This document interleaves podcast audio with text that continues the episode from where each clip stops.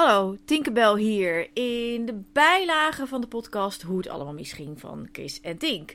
Uh, vandaag ben ik niet met Chris, maar ben ik met een hele bijzondere speciale gast. En dat is filmmaker en kunstenaar Judith de Leeuw. En zij zit hier vandaag omdat zij een film heeft gemaakt met als basisingrediënt bijna 400 uur archiefmateriaal van en over mij. U kunt u voorstellen, dit is een beetje een uh, bijzondere situatie. Want ik ga dus nu de filmmaker interviewen die een film maakte. Nou ja, of die over mij gaat of met mij is gemaakt, dat, daar gaan we het over hebben. Um, in ieder geval van harte welkom, Judith de Leeuw. Leuk dat je er bent. Ja. Je kent deze ruimte, vooral Mhm. van beeld. Ja. Je bent, is het nu de tweede of de derde keer dat je hier bent? Nee, wel de derde keer, denk ik. Maar we, en ook, we hebben ook een keertje buiten gezeten. Hier voor jouw deur. Oh ja, dat zou kunnen. Ehm, eh, mensen die luisteren hebben natuurlijk nu geen idee wie je bent misschien of wa- over de film. Want die moet nog uitkomen. Die komt eh, binnenkort op televisie. Ehm, misschien luister je dit wel een jaar nadat we dit opnemen en heb je het wel gezien. Dat kan ook. Nou, in ieder geval is het misschien wel handig als je begint met kort vertellen... Wat, eh, wat is het, de film eh Who Killed the Bluebird? Kun je het vertellen over wat voor soort film het is? Wat, waar gaan mensen naar kijken als ze dit gaan kijken? Ehm, oh jee, eigenlijk hadden we die tekst dan ehm, mee moeten nemen. Dat ik die kon voorlezen. Nou, Nou, het is toch is veel leuker als jij gewoon zelf vertelt waar je eigen film over gaat. Oké. Want je hebt er vijf jaar aan gewerkt. Ja, nou, de film gaat, ehm, bestaat uit eh, archiefmateriaal. En dat archief heb ik verzameld en eh, gekregen van eh, Katinka Simonsen, alias Tinkerbell. Ehm, en ehm, uit dat, eh, dat was bij elkaar wel zo'n 380 uur. En ehm, ja, met dat materiaal, dus Katinka heeft ook haar, haar oude computers aan mij gegeven, harde schijven, mini-DV-bandjes, eh 8 mm materiaal uit haar jeugd, maar ook van vrienden en familie heb ik dingen gekregen. Ehm, materiaal wat ze soms zelf nog niet eens gezien had. En ehm, ehm, zij heeft ook eh, zichzelf gefilmd in de afgelopen ja, eh 20 jaar, zo nu en dan. En eh, dat materiaal heb ik dus ook gekregen. En ook nog materiaal van andere filmmakers die geprobeerd hebben een film over haar te maken.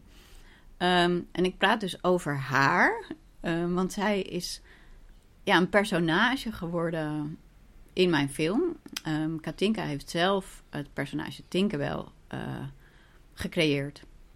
En zij samen zijn weer een personage geworden in deze film. En oké, ehm, dat weet ik natuurlijk, want ehm, ik ben een van de, de, de mensen die eh materiaal heeft aangeleverd en die te zien is in de film. Misschien de het persoon. enige mens dat te zien is in de film, denk ik. Bijna. Nou ja, precies, bijna.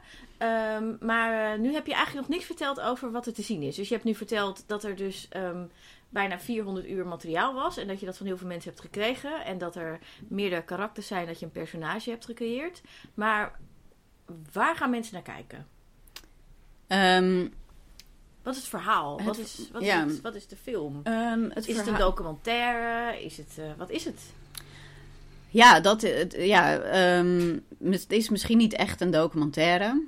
Ehm, zo wordt het wel een beetje verkocht. Het, komt ook, eh, het wordt ook uitgezonden bij het Uur van de Wolf. Dat is in principe voor documentaires. Mm, ja, je kunt je afvragen in hoeverre het personage dat ik heb gecreëerd samenvalt met de echte eh Tinkerbell of Katinka Simonsen. Zij vindt zelf dat dat niet zo is. Dit wordt heel raar. Ehm, ehm, ja, wat we zien is een verhaal over een personage dat ehm, op dit moment in 2023 beyond woedend is. Zij komt elke dag gestampvoetend uit bed en heeft geen woorden meer voor de woede die in haar leeft. En de film gaat over eh, hoe je als mens een personage kunt worden in je eigen verhaal. Ehm, hoe je leeft op de ruïnes van het verleden. Ehm, en de prijs die je betaalt als je daar koste wat kost in wilt blijven geloven. En, en wat is die prijs Ehm, in jouw film? in, jouw, in de film is de prijs, denk ik, dat je ziet dat het personage ja, leidt aan ehm, heel. In, ja, je zou kunnen zeggen dat ze vooral heel erg boos is. Alleen nog maar boos op een gegeven moment. Op een punt in haar leven is gekomen dat ze alleen nog maar boos is. Ehm, en leidt onder de gedachte dat zij verantwoordelijk is voor het redden van de wereld. En daarmee, ja, in die zin gaat de film voor mijn gevoel ook wel heel erg over, gewoon over het leven en over ouder worden.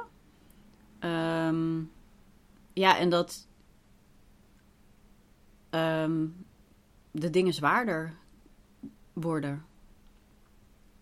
Ehm, naarmate het leven vordert en dingen lopen ook op een manier die je misschien niet wilt. Voor wie is deze film? Ja, voor alle mensen die willen kijken. Maar wie, zijn, wie, wie willen dit zien? Wie, wie, aan wie vertel je dit verhaal? Ehm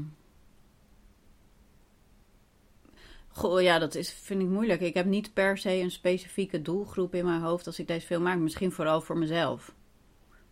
En ik ga ervan uit dat als ik het interessant vind, dat andere mensen dat ook interessant vinden. Maar ik ben niet, als ik een film maak, dat ik nadenk over, over voor welke doelgroep is dit of iets dergelijks. Maar nu die klaar is, wat denk je dan nu?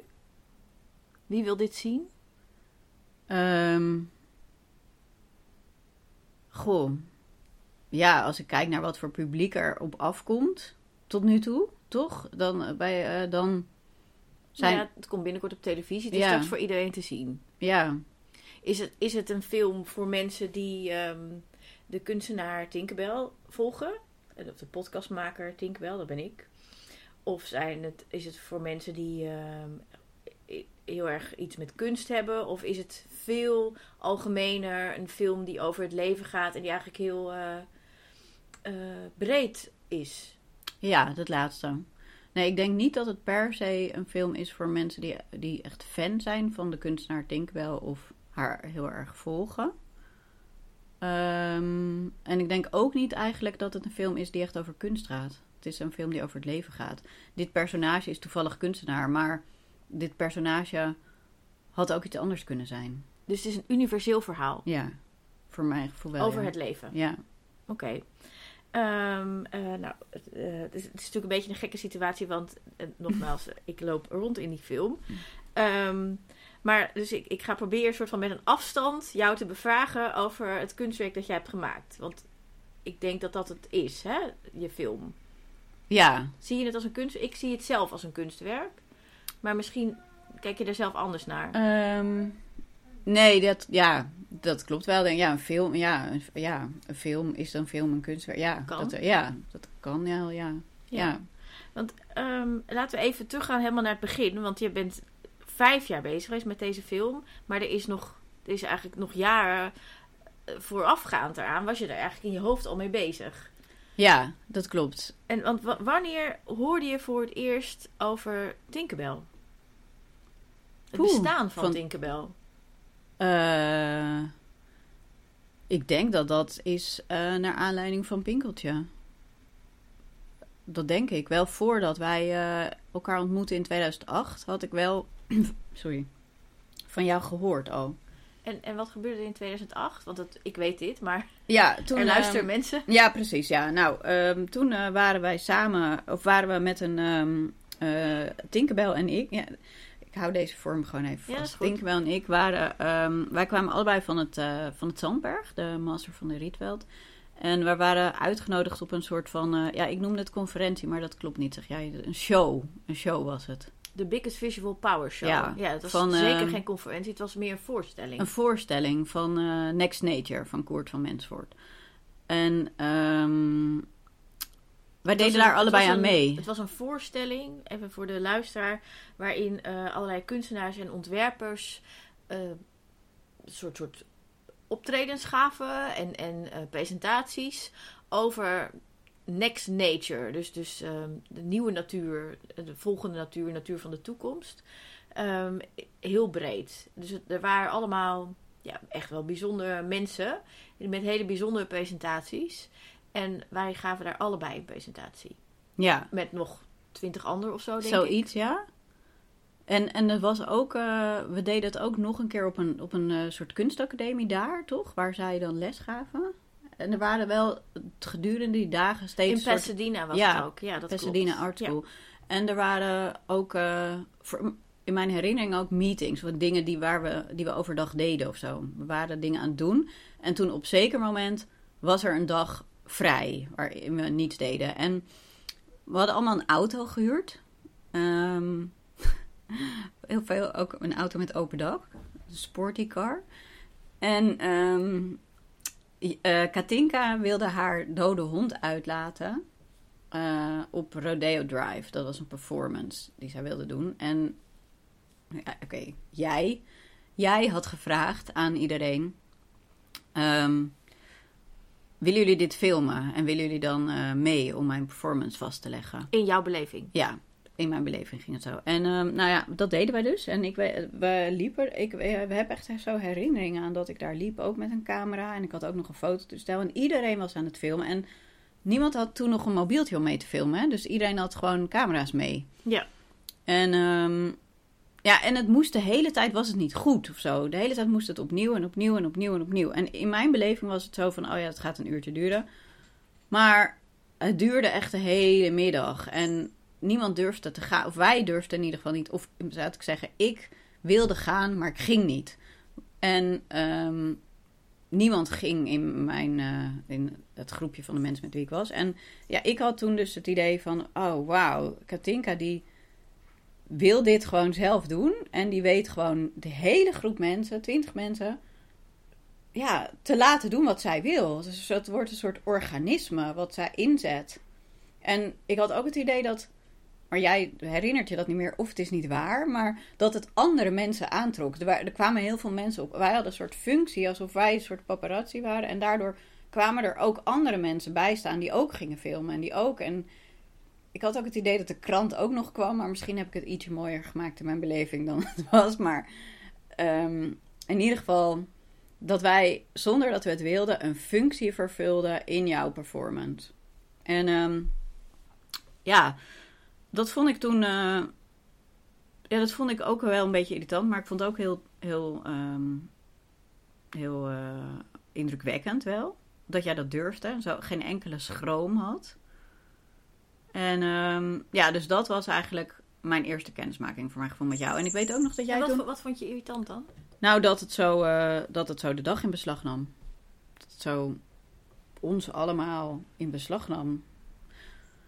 Ehm, maar ik weet wel dat jij toen ook nog. eh, ik had toen ook een soort werk gemaakt met eh, landschappen van geld. En dat jij mij toen nog, dat bedenk ik nu opeens, dat we toen nog contact hebben gehouden. Omdat jij toen allemaal, allemaal geld voor mij had verzameld. Met eh, bankbiljetten met eh, afbeeldingen van natuur erop. En dat je die later nog aan mij hebt gegeven. Maar dat was ik eigenlijk al vergeten. Maar ja, dus toen, we, we hadden wel een soort contact toen. En, ehm, en dat was gelijk al wel een contact, ja, dan tweezijdig contact. Dat ik zowel bewondering voelde als irritatie. En ehm, nou ja, toen eh, was het volgens mij dus 2012, volgens mij van het jaar van de sterilisatie, toch? Eh, ja, Ja, dus en toen zagen we elkaar op Art Rotterdam. En ik had toen een... eh, maar dit moet je ook even uitleggen, want mensen hebben nu geen idee waar je naartoe gaat. ehm, dat jij je had laten steriliseren, bedoel je? Ja, Ja. Dus, ehm, we, we praten nu niet tegen elkaar, maar voor een publiek. ja, dus een paar jaar later eh, troffen wij elkaar weer op Art Rotterdam. En jij had daar volgens mij echt een, ja, gewoon een grote tentoonstelling bij Torch, denk ik. En ik had een eh, klein, eh één werkje in de tentoonstelling. Die heette toen, wat heet het nog steeds volgens mij? Prospect, Pros- Oh ja, prospect. Ja, en Concept of zo. Van, van het Fonds voor de Beeldende Kunst toen nog. Of, Ja, of was het toen- Fonds. Was het toen al wel Mondriaan Fonds? denk het wel. Nou ja, in ieder geval voor iedereen die een startstipendium had gekregen. En ehm, ehm, toen ehm, zagen we elkaar en toen nou, gingen we zo kletsen. Hoe gaat het? En toen zei jij dat je een burn-out had. eh, eh, en dat je had laten steriliseren. Of eigenlijk andersom. Je had je laten steriliseren en je had daar een burn-out van gekregen. En het ging heel slecht met je en je leed daar heel erg onder. En ehm, ja, dat vond ik toen een interessant gegeven voor een film. Want Ehm, ik had me laten steriliseren voor een kunstwerk. Ja, om eh, de wereld te redden. En ja, ik was toen altijd wel al heel, ja, een beetje zo in de war over waarom jij dat altijd zei. De wereld redden, de wereld redden. Ik dacht, is dit nou een grapje? Meen je dit? Hoezo maak je het zo simpel? De wereld redden, dat kan toch niet? Dat weet je. Ik bedoel, is het een grapje of is dit serieus? Eh, je leed er wel heel erg onder. Daar was ik denk ik het meest door geraakt dat jij echt. Dat je er echt heel erg onder leed. En, ehm, en dat ik dus dacht van hè. ehm, je wilt iets goeds doen voor de wereld en dat doe je door iets gewelddadigs te doen. Gewelddadigs tegen jezelf. Want, want een sterilisatie hoeft niet per se gewelddadig te zijn, maar als je er heel erg onder lijdt, dan is dat wel zo, in mijn beleving in ieder geval. En dat vond ik interessant voor een film. En ik herinner me dat ik jou toen ook heb gebeld. Dus daar ontstond jouw idee Ja. om een film te maken. In Ja. 2012. Ja, en toen heb ik jou ook gebeld. Ik weet nog goed dat ik toen op een gegeven moment op Texel woonde. En dat wij elkaar ook aan de telefoon hadden. En dat ik aan de telefoon dacht, oh nee, nee, nee, laat maar zitten. en dat ik toen een of ander... Hoe kwam dat? Ja, weet, omdat ik het toch niet zag zitten. Ik dacht, oh nee, nee, nee, nee, veel te ingewikkeld. Nee, nee, nee, laat maar. Ehm, dus toen, eh, toen eh, hadden we elkaar even en toen heb ik het gewoon niet eens meer gezegd en afgeblazen. En toen pas een paar jaar daarna eh, hoorde ik dat eh, de NTR ook heel graag een film over jou wilde. Dat hoorde ik zo via via. En toen ehm, dacht ik, ah, ja, dat wil ik doen. En toen heb ik dat dus telkens gevraagd aan de eindredacteur. En daar moest ik echt mijn best voor doen, want hij wilde dat niet. Want hij wilde een publieksfilm. Dus die film, ja, die wel echt over de kunst naar het denken wel gaat en de kunst. Want jij maakt geen publieksfilms. Geen grote publieksfilms. Is Nee. dat wat je nu zegt? Ja, ik denk dat zij dat dachten en dat het dat ook wel waar is. Want de film die je nu hebt gemaakt is niet een, een grote publieksfilm. Ja, dat weet ik. Nou ja, nee, je? ik denk het niet, nee. Hoe zou je het dan... Wat, denk- wat is het dan? Ja, ik weet het niet. Hoe je dat nou, ja, ik snap het eigenlijk ook niet. Waarom dat dan niet? Ik zou wel denken dat het ook maar voor een groot publiek zou kunnen zijn. Maar in mijn ervaring is in ieder geval nu dat dat heel vaak niet zo is. Als ik dat wel denk. Dat ik denk dat ik iets heb gemaakt wat ja, voor iedereen is. En dan wordt er toch weinig naar gekeken. Dus ja, ik weet dat niet hoe dat zit. Met de, ik vind alsnog, bedoel, als iets op. Dat heb, ik heb het altijd zo gezien van als iets op televisie wordt uitgezonden. Dan heb je alsnog ongelooflijk veel kijkers. Soms kijken er wel 30.000 mensen zij vinden dat weinig, zeg maar, bij de tv. Ehm, maar ik vergelijk het altijd met een galerie. Dan denk je, wow, dat is echt waanzinnig veel mensen. Dus dat idee van of iets voor een groot of klein publiek, ja, dat, dat is natuurlijk allemaal heel relatief. En ergens denk ik, ja, is het ook. Televisie is natuurlijk ook iets vreemds of zo. Want ja, wie kijkt er überhaupt nog naar? Ja. Ehm, Want hij is nu klaar. En hoe, hoe reageer ze bij de NTR? ehm, goed, daar zijn ze er blij mee. Vinden ze een mooie film. Punt. Ja, toch? Ja. Ja, dat moet je niet aan mij vragen. Ja. Dit is, dit is jouw, jouw film. Want, want eh, je zegt, eh, ze wilden eigenlijk niet dat jij het ging maken. En je ging het eh, een aantal keer voorstellen en proberen. Wat, wat heb je voorgesteld? En uiteindelijk is het gelukt. Dus wat, Ja, wat, hoe maar komt het dat? was dus ook, denk ik, omdat ehm, jij eh, het, dat het niet met andere makers uit de voeten kon. Ehm, en dat het dus eh, dat het niet eh, liep.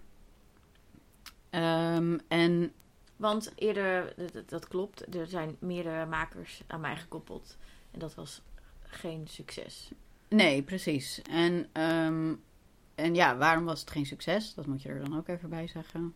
Oh, je, wil, je wil dat ik dat zeg? Ja, Het was geen succes omdat makers mij wilden volgen en wilden plannen. En ik wil helemaal niet dat mensen de hele dag achter me aanlopen. ja En precies. ik wil ook niet drie maanden vooruit plannen. Nou ja, dus, dus dat gegeven. En dan ehm, mijn idee om het met een archieffilm te maken. Ja, dat, dat, dat is dan een goede... Want wat, Samen wat heb je goed- concreet voorgesteld aan de NTR? Ehm, nou, dat is zo. Eh, om, ja, dus inderdaad om een archieffilm te maken. eh, om het archief te verzamelen en daar research op te doen. Maar als je werkt met de publieke om, dat is dan ook. Dat heeft ook iets ingewikkeld. Want ik had daar een aanvraag voor geschreven, maar die is afgewezen. En die. ehm, En waar was die afgewezen? ja, het laatst heb ik wel de brief nog een keer gezocht. En er stond onder meer in dat. ehm, ja, er stond, er stond in dat ehm, de maker meer persoonlijk geïnteresseerd leek in de kunstenaar Tinkerbell. Dan dat ze echt een, een- bijna meer een essay wilde maken dan een portret van de kunstenaar Tinkerbell. Eh, en dat ze dacht dat het archief niet interessant was. En ehm, dat ehm, als het door Tinkerbell zelf het archief wordt afgestaan, dan wordt het ook geselecteerd. Dus eh, dan is ja, dat de commissie niet dacht dat dat iets interessants zou opleveren. En, en eh, wat uh, bleek hiervan eh, te kloppen? Ja, nou ja, kijk, dit is altijd moeilijk, vind ik, als je als, als maker soort van. ehm, ja, ik, ik weet niet. Ik vind dit altijd heel ingewikkeld, want je wil, zeg maar, als maker niet gaan klagen over de commissie. Ik heb heel vaak al afwijzingen gehad. Maar een commissie En- doet een inschatting. Ze hebben Ja. geen glazen bol. Nee, precies. En, en, en ergens voelde ik gewoon van onderweg in de afgelopen tien jaar van als je echt zo boos wordt, heb ik ook gehad dat ik echt dacht, oh die mensen zijn zo stom, zo stom, wat dom. Maar dan word je heel zuur of zo. Daar word je ook, eh, dan voelde ik zelf ook zo'n, ja, helemaal me in die soort ver, verongelijkte woede ehm, wegzakken of zo. Dus ik heb toen op een gegeven moment gewoon besloten van... oké, nou, eh, dit is de commissie. Ik neem ze allemaal serieus en probeer heel ehm verstand, eh, ja, gewoon open te staan en zo, dat soort dingen. En eh, echt, ja, hun mening heel serieus. En nu moet ik zeggen dat ik daar ook weer een beetje van terugkom. Dat ik nu echt zo heel erg ga zuchten daarover en denk, jezus. En eigenlijk ook bijna voel van, ah, ik, ik wil het eigenlijk niet eens meer daar geld Want aan waar, vragen. waar moet je dan het meest van zuchten? Als je Nou, zo'n brief van een commissie van zes jaar geleden of zo terugleest. Ehm, Wat ja, de gewoon de voor. misser? Ja, de, ja, gewoon die vooringenomen. Zo'n dat mensen een idee hebben over wat iets moet zijn. En ehm, Want hoe kwamen ze erbij dat eh, het archief niet interessant zou zijn? Wisten ze dat? Kenden ze er? nee, dat konden ze natuurlijk niet weten. Maar kijk, de, de- ik, ergens vind ik zeg maar de sympathiekste houding om het bij jezelf te zoeken. Om te zeggen, nou oké, dan heb ik het waarschijnlijk niet goed verwoord of zo. Dat is dan een soort van open houding. Oké, als zij het niet goed, nou dan, zal het, heb, dan heb ik het niet goed uitgelegd. Want anders hadden ze het wel begrepen. Ja. Alleen die weg, zeg maar, daar ben ik ook voel, daar dat dat op een gegeven moment ja, is dat merk ik nu dat dat ook een beetje uitgewerkt is en dat ik ook denk van ja, jezus hé, maar als jullie het echt niet als je het echt niet begrijpen, ja, dat dan dus dat vind ik gewoon wel dat vind ik wel iets heel lastigs en en ik denk dat er ook aan ligt gewoon voor zo'n fonds. Kijk, er, er kan op een gegeven moment ik heb denk ik wel besloten van ah, ik vind het fijn om met de publieke omroep te werken. En ik vind het ook echt heel fijn. Ik, ik voel me altijd echt ontzettend gesteund door de NTR. Ehm, alleen, ja, zo'n fonds en de, ja, de mensen die daarin zitten, is ook maar, ja, dat, dat is wel echt moeilijker. En je moet gewoon zo'n plan schrijven en zo, ja, dat is gewoon, ehm, het is echt niet goed voor het artistieke proces. Dat ben ik inmiddels wel echt, vind ik dat wel echt. Ik vind het echt gewoon een soort poppenkast die iedereen doet alsof het ertoe doet, ja. En daar op een gegeven moment heb je daar ook gewoon een beetje genoeg van. En als je dan zo'n zo'n brief terugleest en die argumenten en dan denkt je, jezus, Want ze dachten ook dat jij het had geselecteerd. dat, dat dus een selectie door mij zou plaatsvinden van Ja. het beeldmateriaal. En dat ik daarom te veel invloed zou hebben op jouw film. Ja, precies. En ergens denk je dan van ja, dat, dat is toch zegt ook heel veel over hun. Dat zij dat gewoon niet kunnen geloven. Dat iemand zijn er hele privéarchief afstaat en daarmee in, in een radicale daad stelt. Alsof. eh, Want zijn er restricties opgelegd aan jou door iemand? Nee. Ik zou niet weten welke. Eh, ja, nee, ook niet eens. Nee, eigenlijk niet. Nee. Dus er klopte niets van wat ze hebben gezegd. Zeg je nu. Ehm, Wat was het Nee. eerste wat ze zeiden over... nou ja, wel van de, de maker lijkt meer persoonlijk geïnteresseerd in. eh, Zo'n soort zin was het. De maker lijkt meer persoonlijk geïnteresseerd dan ehm, dat ze een portret. En meer een essay wil maken dan een portret van de kunstenaar Tinkerbell. Maar dat is natuurlijk ook al van ja, hoezo? Ja, en? Dat, dat mag toch? Dat staat er ook. En dan is er iemand die vindt dat dat niet Dat de bedoeling portret is. zou moeten zijn. Ja, precies. En die aanname, ja, dan ben je al een soort heel ingewikkeld gesprek aan het voeren. En dan heb je mensen, ja, dat, nou, eh, dat zal, wij denken niet dat het archief interessant is. Ja, dan wordt het natuurlijk een heel moeilijk gesprek. Ja, ik denk van wel. Ja, jullie gaan over het geld. Wel of niet. Ja, Ja, dus Maar uiteindelijk heb je wel geld gekregen. Hoe zit dat dan? Ja, dat, dat is dan een andere weg. Dat, ehm, dat bij de omroep kunnen ze dat doen. Dan financieren ze het met eh, een ander fonds. Dat heet Kobo. En eh, dan heb je, schrijf je eigenlijk een heel ander plan. Ehm, niet echt inhoudelijk. Meer ook over... Daar, dus daardoor doen wij nu ook al die vertoningen. Dan krijg je wel veel minder geld. Maar... Je ehm, zegt, daarom doen we nu al die vertoningen voor mensen die luisteren. Eh, er wordt op dit moment getoerd met de film. Dat zijn we al een aantal weken aan het doen. Eh, en dan wordt de film in eh, musea of filmhuizen getoond met een nagesprek met ons beiden. Ja. Ja, wat En- en natuurlijk dat is ook een voorwaarde super... voor- Ja, Eh, anders kon jij geen geld krijgen. Ja, dat is dan impact, denk ik, of zo, dat dat zou noemen. En eh, ja, dus, dus dat is dan een andere route. En ehm, ja, dus, en daar hebben we dus wel eh, geld van gekregen. En dan moet je het dus voor minder geld maken. Eh, maar ja, dan alsnog is er wel financiering. Ja, Dus dat is gelukt. ja, En alright, dus, dus op een gegeven moment krijg je het geld. Ehm, en eh, ben jij, ik denk vijf en een half jaar geleden of zo, bij mij gekomen met de vraag: mag ik al je archiefmateriaal? ja. Wat gebeurde er? Ehm, nou, daar toen... ehm, Wat had je verwacht? ja, Kun je dit herinneren? Ehm ja, nou, ik, ik ben geneigd te zeggen dat ik dit een beetje had verwacht. Maar dat is wel raar, want dat is niet echt ergens op gebaseerd. Maar ik had wel verwacht dat er dan interessante dingen naar boven zouden komen. En, en dat het ook interessant is, gewoon de rafelrandjes van allerlei dingen. Maar je gaat nu te ver, te Oh, snel. ja. Je gaat nu te snel. Want ehm, je bent op een gegeven moment, eh, is het toegezegd en Ja. ben je met mij in gesprek gegaan. Mhm. En ehm, heb je aan mij gevraagd: mag ik alles wat er bestaat? Ik denk dat ik dat wel al had gevraagd voordat we het geld kregen. Zou Maar kunnen. Ja, weet dat- ik niet meer. Jawel, ja. En je kreeg alles. Mhm. Toen je zeg, de eerste batch kreeg met tapes en opnames, ik weet helemaal niet. Ja, En een, je, je hebt toen volgens mij een, een oude computer meegenomen. Wat is het eerste wat je hebt bekeken? Poeh. Ik denk ehm, de VHS-banden. En daar stonden dingen op, bijvoorbeeld dat wartaal of zo. Je moet het uitleggen. Eh, Mensen hebben de film niet gezien. ja, dus eh, dat waren dingen die dan ooit van de televisie waren opgenomen, dat jij op televisie kwam. Ehm, en, en VHS was ook wel eh, uit jouw jeugd, maar eigenlijk grappig genoeg zit daar niks van in de film, maar dat iemand jou ging filmen op school, in de klas en bij volksdansen.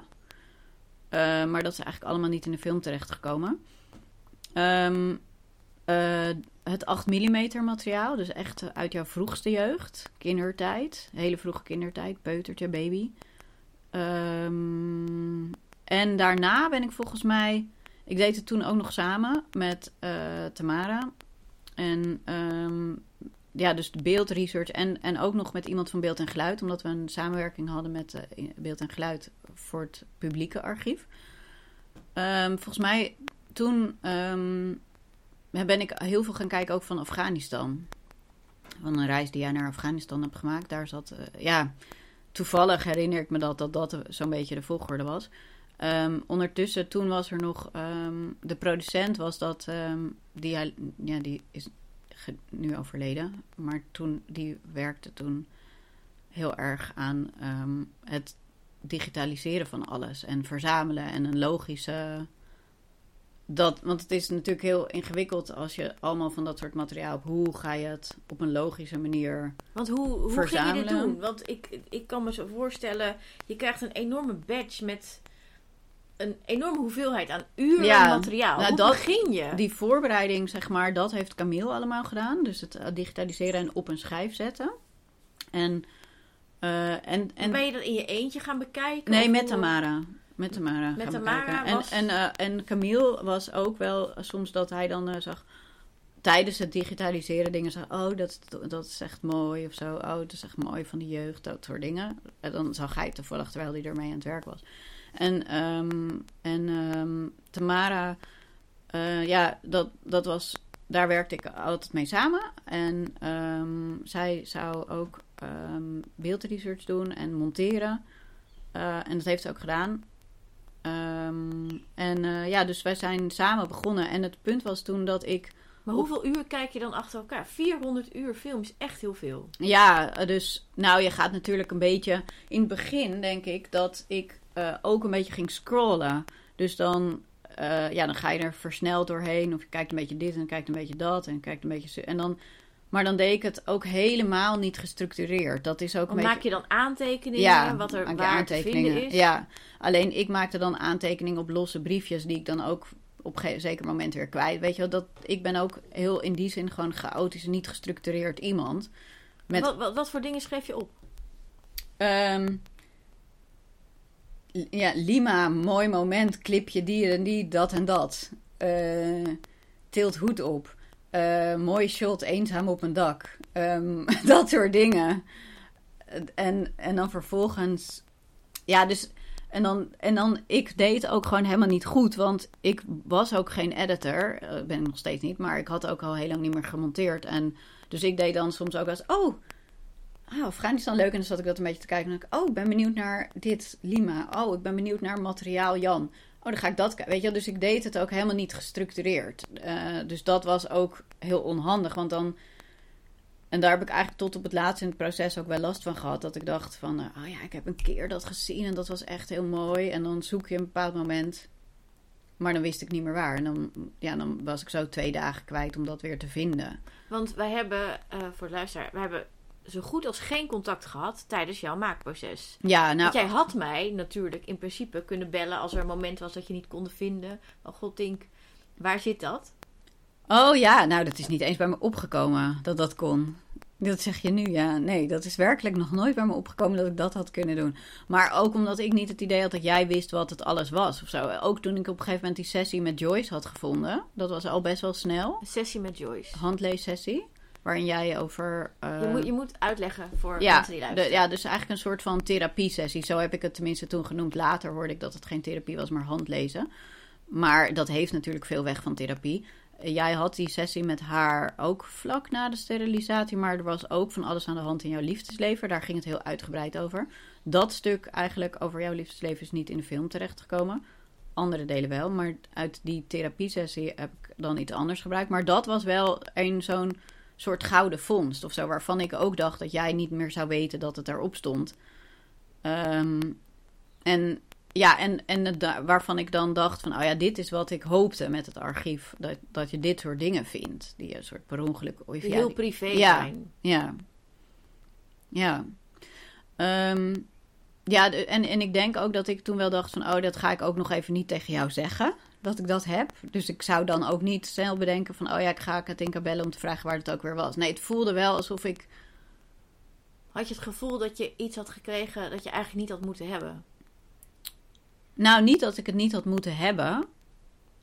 Want dat was gewoon de afspraak. Je had alles gegeven en dat is alles. Alles is alles of zo. En in die zin, ja, dacht ik ook wel dat jij daar niet van terug zou komen. Maar ik dacht ook wel van, nou, dat ga ik nog even niet vertellen. En waar zat dat dan in? Toch een soort angst? Of? Um, ja, denk ik ja. Ja, zo van. Uh, ja, je ziet het wel. Ja, of dat jij er anders van alles van kon gaan denken. Weet je, ja, dat is dan een soort van voortijdig problemen. ja, ik denk, nou ja wat, niet weet, wat niet deert. Of zo, ja, ik laat maar even totdat het daadwerkelijk je kan zien wat ik ermee doe. Anders kan het ook van alles oproepen van nee, dat moet je niet doen. Terwijl als je iets. Als je dan ziet in welke context uh, het is gebruikt, dan is het waarschijnlijk helemaal niet meer een probleem of zo. Ja, dat is een beetje met als je iets ook met, met.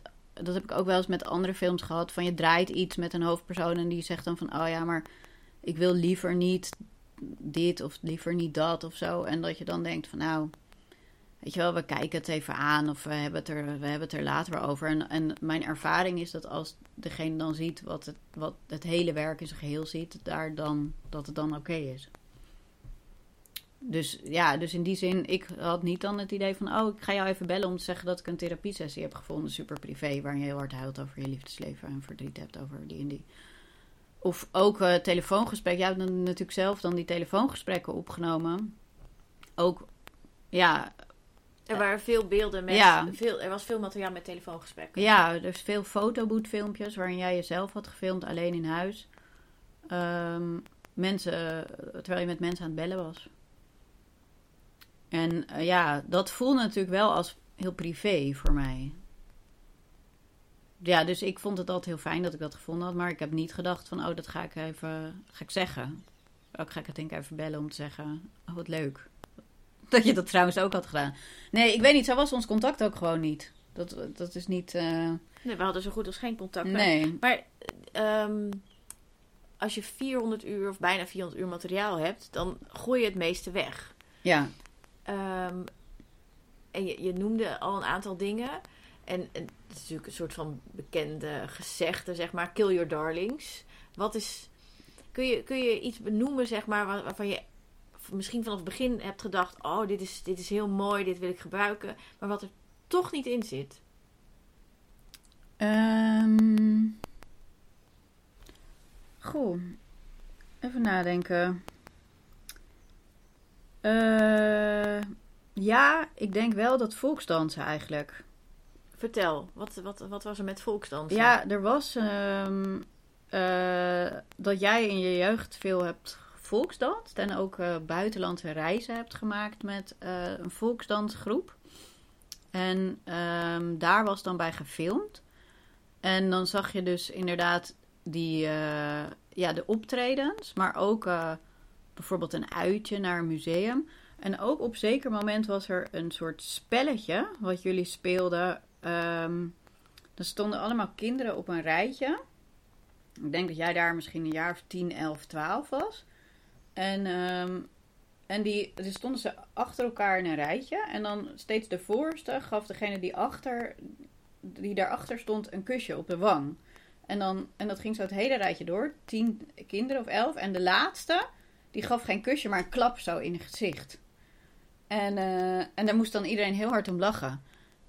En ik vond dat een heel, het was een heel vreemd beeld, een heel vreemd spelletje. En op een gegeven moment, alleen jij was niet de achterste persoon. Dus jij kreeg niet die klap zo in je gezicht. Waardoor het niet. Uh, maar ik vond wel ja, ik heb wel heel lang gedacht van, oh ja, dat is echt, dat is iets. En ook nog wel dat, ook met een van die uitjes, dat jullie in een bootje gingen. Um, en dat bootje viel dan bijna om.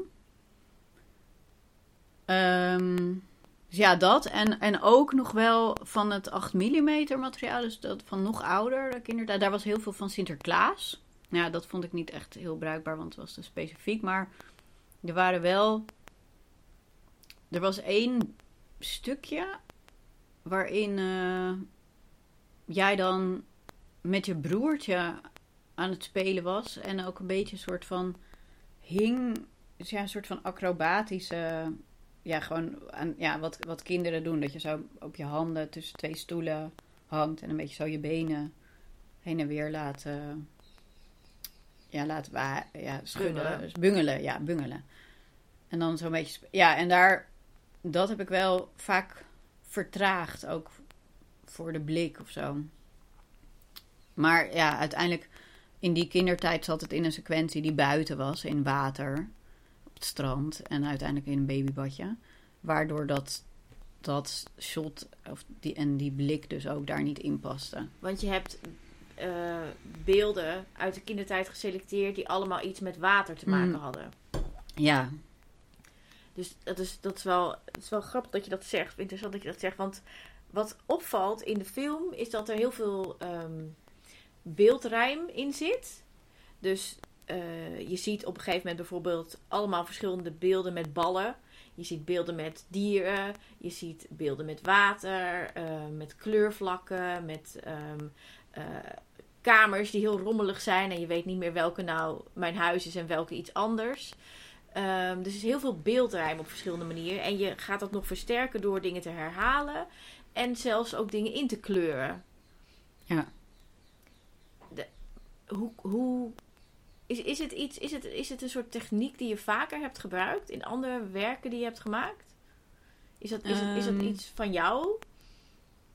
Of Nou, hoe nee, komt dit, niet- Hoe komt dit erin? Niet per se, maar wel in één film een beetje, ja. Eén film die ik in 2016 had gemaakt, Welkom op de Hemelse Aarde. Daar is, zit het ook een beetje in, eh, sequenties van beeldruim. Maar het is niet per se eh, dat ik denk, eh, zoiets van wat ik altijd doe of zo. Nee, dat is wel gewoon omdat dit... Ja, Want- dat want- is gewoon in het... Hoe paste dit in deze film? Hoe, want het, het is heel tekenend geworden voor deze film. Dus de hele film, ik, ik heb het eerder een gedicht genoemd. Mhm. Maar het is niet alleen een gedicht, als je het mij vraagt, maar een gedicht op rijm. Ah ja. Ehm, Herken je dat? Of, of is dat iets van mij? ehm, Kun je daarin vinden? Ja. Nou ja, ja. Ja, met stukken rijm en dan weer niet rijm. Maar ja, ja dat, eh daar kan ik me wel in vinden, ja, zeker. Ehm, ja, en hoe- daarmee is, is het denk ik is het, is het ook een heel ongebruikelijke film geworden. Want in, als je een documentaire gewoon kijkt, zit dat er niet in. En in een, een, een speelfilm of een, een fictiefilm zie je dit ook niet. Dus dit is, dit is een heel nieuw genre bijna, wat je, wat je zelf creëert, zou ik haast zeggen. Ehm, nou, dat weet ik niet. Ik denk wel dat, er, dat dat wel vaker gebeurt. Maar het is inderdaad met een documentaire, dat vind ik ook inderdaad altijd een beetje een ingewikkeld woord. Want dat heeft zo'n soort connotatie over als, alsof iets informatief is of zo. Ik moet denken aan een ehm, gedichtbundel van Ellen Dekwits, Hogere Natuurkunde. En dat is zowel eh, een gedicht als ook een verhaal. Ah ja. En eh, de, ik, in mijn optiek lijkt de vorm daar een beetje op. Ah ja. Ah ja, grappig, ja. Ja, ik, je had het is- er al eerder over. Ik En het is ook, eh, ik, moet- ik bedenk het echt nu ter plekke, het is ook ehm, gebaseerd op dingen die echt gebeurd zijn. Maar er zit ook veel fictie in. Ah ja. Ja, oh, ja, leuk. Ik, zal het eens, ik ga dat eens lezen.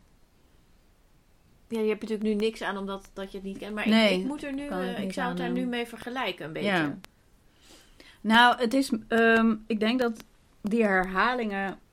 Voor mij staan die ook voor. ehm, ja, ik heb dit al eerder uitgelegd bij de vertoningen. Maar ik kan het nu ook nog een keer Het is wel vertellen. fijn als de mensen Ja. zeg maar, die nu luisteren ook weten wat je ervan vindt. Ja, want.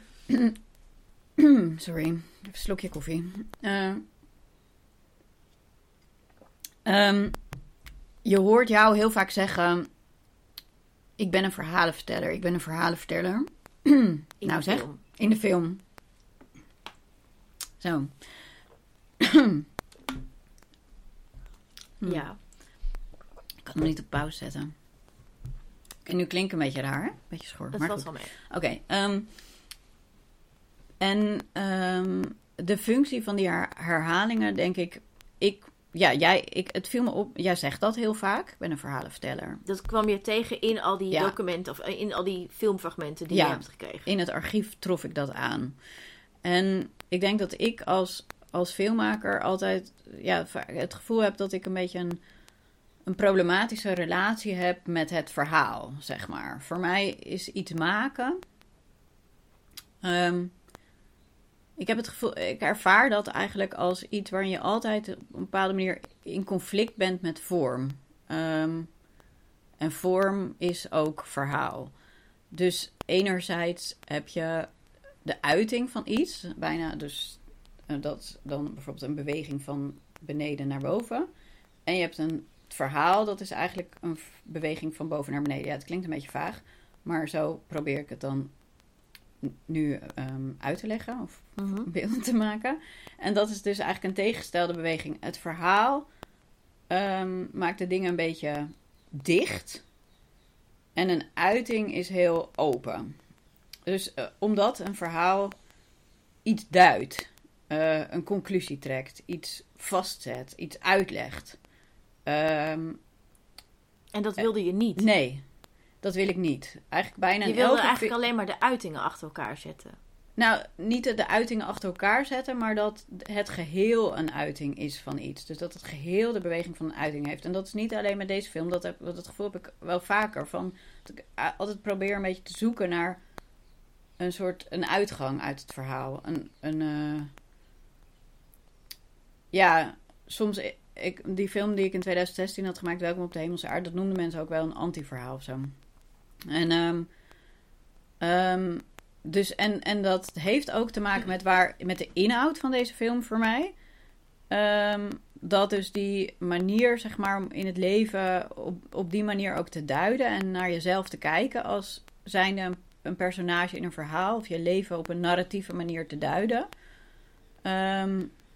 Ja, dat dat ook iets ingewikkelds heeft, omdat de werkelijkheid iets heel complex is en heel veel dingen tegelijkertijd en heel tegenstrijdig en dit en dat.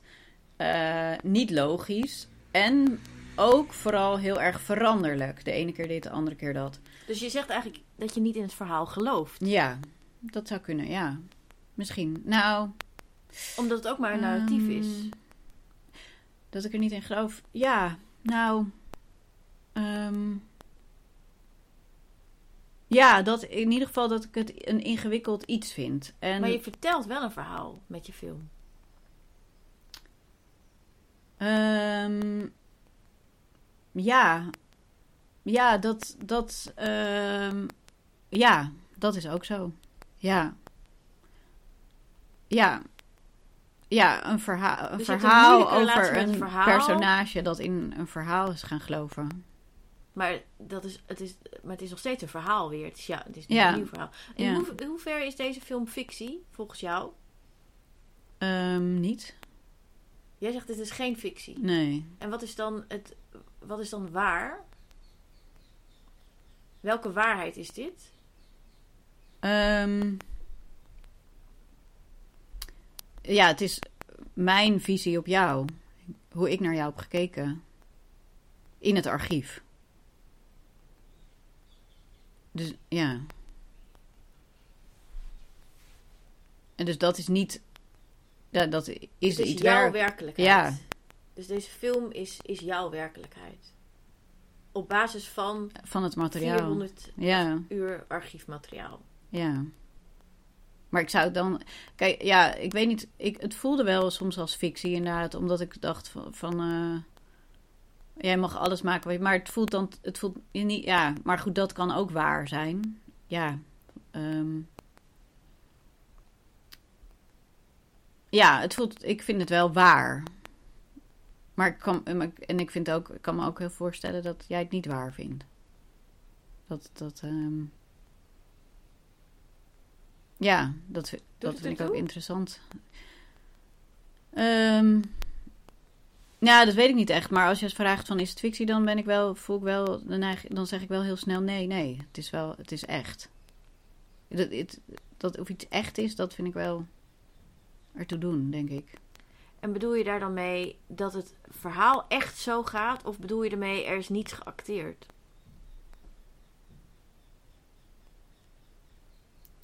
Um,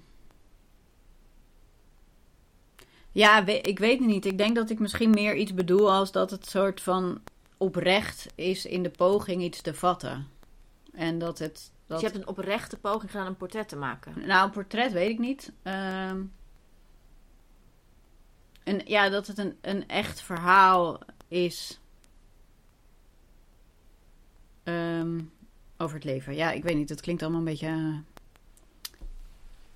Een beetje nou, laten we, laten we het even anders. anders uh, want het, het, het, maakproces duurde vijf jaar mhm. ongeveer. Ja. Um, en vooral, ik zou zeggen, in de eerste drie, vier jaar is er ook in jouw leven best wel veel gebeurd. Uh, nee, eigenlijk meer de laatste drie jaar. De eerste vier jaar gingen nog wel goed, maar de laatste drie jaar. De eerste vier jaar van de vijf jaar gingen goed, maar de laatste drie jaar niet. De, nee, dan worden het ineens zeven jaar. Ja, nee, dus uh, jij, maar ik denk dat je bedoelt gewoon van de dood van mijn zus, toch? Uh, en de producer. Ja, ja, ook ja. En uh, ja, precies. Dus die, en jouw eigen relatieperikelen. Ja, ook. Ook, ook familiedingen. ja. Het was, het, het was een, het is een heftige tijd voor jou geweest. Ja, klopt. Kun je, kun je er iets over zeggen?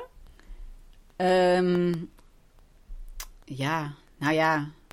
Ja, wat moet ik erover zeggen? Ja, Nou, in Eh, hoeverre heeft het ehm, het maakproces beïnvloed? Ja, ik denk dat is, daar hebben wij het natuurlijk al wel eerder over gehad. Van dat, dat ehm, kijk, ja, je maakt een film met, ook als filmmaker, van met waar jij dan bent in je leven, zeg maar. En dan daar vanuit dat, alles wat er daar is en hoe probeer je gewoon Want waar was jij in je leven tijdens het maken van deze film? het beste van te maken, zeg maar. Het je best te doen. ehm, en te zeggen wat. Ja, oké, laat ik gewoon inderdaad over mezelf praten. Ik denk dat ik probeer iets te maken, iets te zeggen wat ik te zeggen heb op dat moment in mijn leven. En dus dat is, on, dat is onmogelijk dat het niet meespeelt, zeg maar. Waar. Maar dit is het algemeen. Waar was jij in je leven tijdens het maken? En hoe heeft dat de film beïnvloed?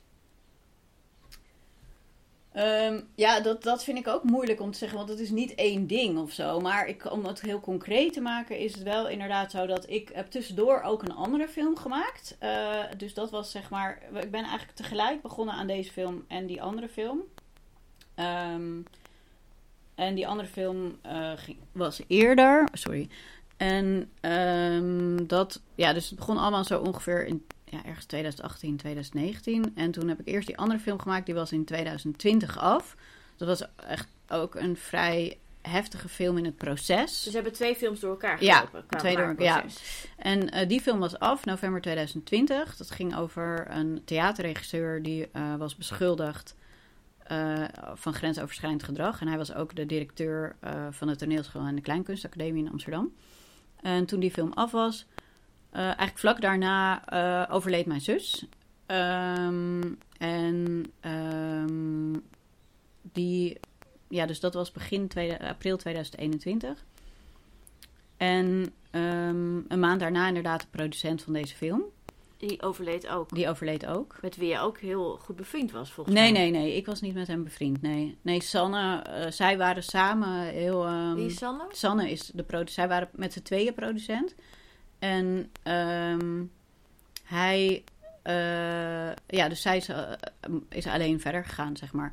Maar het is inderdaad zo dat ik toen een tijd, een hele tijd niet heb gewerkt. Ehm, zeg maar tussen dus april 2020, eh, 2021, ja, min of meer tot eh, nou, ergens november of zo. Toen heb ik eigenlijk nog een soort van televisieprogramma gemaakt tussendoor. Was, en toen heb ik het eigenlijk weer opgepakt. Maar in die tijd dacht ik wel van eigenlijk, ik wil van het project af. Ik wil het niet meer. Ik wil deze film niet meer maken. Dit is niet wat ik nu op dit moment in mijn leven ehm, moet doen. Ik wil eigenlijk stoppen met de film over Tinkerbell. En ik wil het teruggeven of overdragen aan een andere regisseur of whatsoever. Ehm maar... Omdat, omdat je in je hoofd gewoon met iets heel anders bezig Ja. was. Namelijk het overlijden van jouw zus. Ja. En, ehm, maar ja, dat was, bleek praktisch ook heel erg ingewikkeld, want we waren al begonnen. Er wa- waren allerlei redenen die dat ingewikkelder maakten. En ehm, ja, toen ben ik toch, toen heb ik denk ik ergens gedacht, nou, oké, let's get it over with, ik doe het gewoon. En een beetje een soort van mezelf, een beetje zo opge... eh, hup, schouders eronder, kom op even nog een jaar en dan ben ik er van af of zo. Ja. En denk, en denk dat ik met die energie ehm, die film had gemaakt die toen op een gegeven moment een jaar geleden af was. Ehm, Ja, want dat eh, weten de luisteraars ook, ook niet. Nee. Ehm, oorspronkelijk was de film een jaar geleden af. Wat gebeurde er? Ja, dus dat ik. ehm, ik vond het gewoon echt heel moeilijk eigenlijk om eh, me tot jou te verhouden.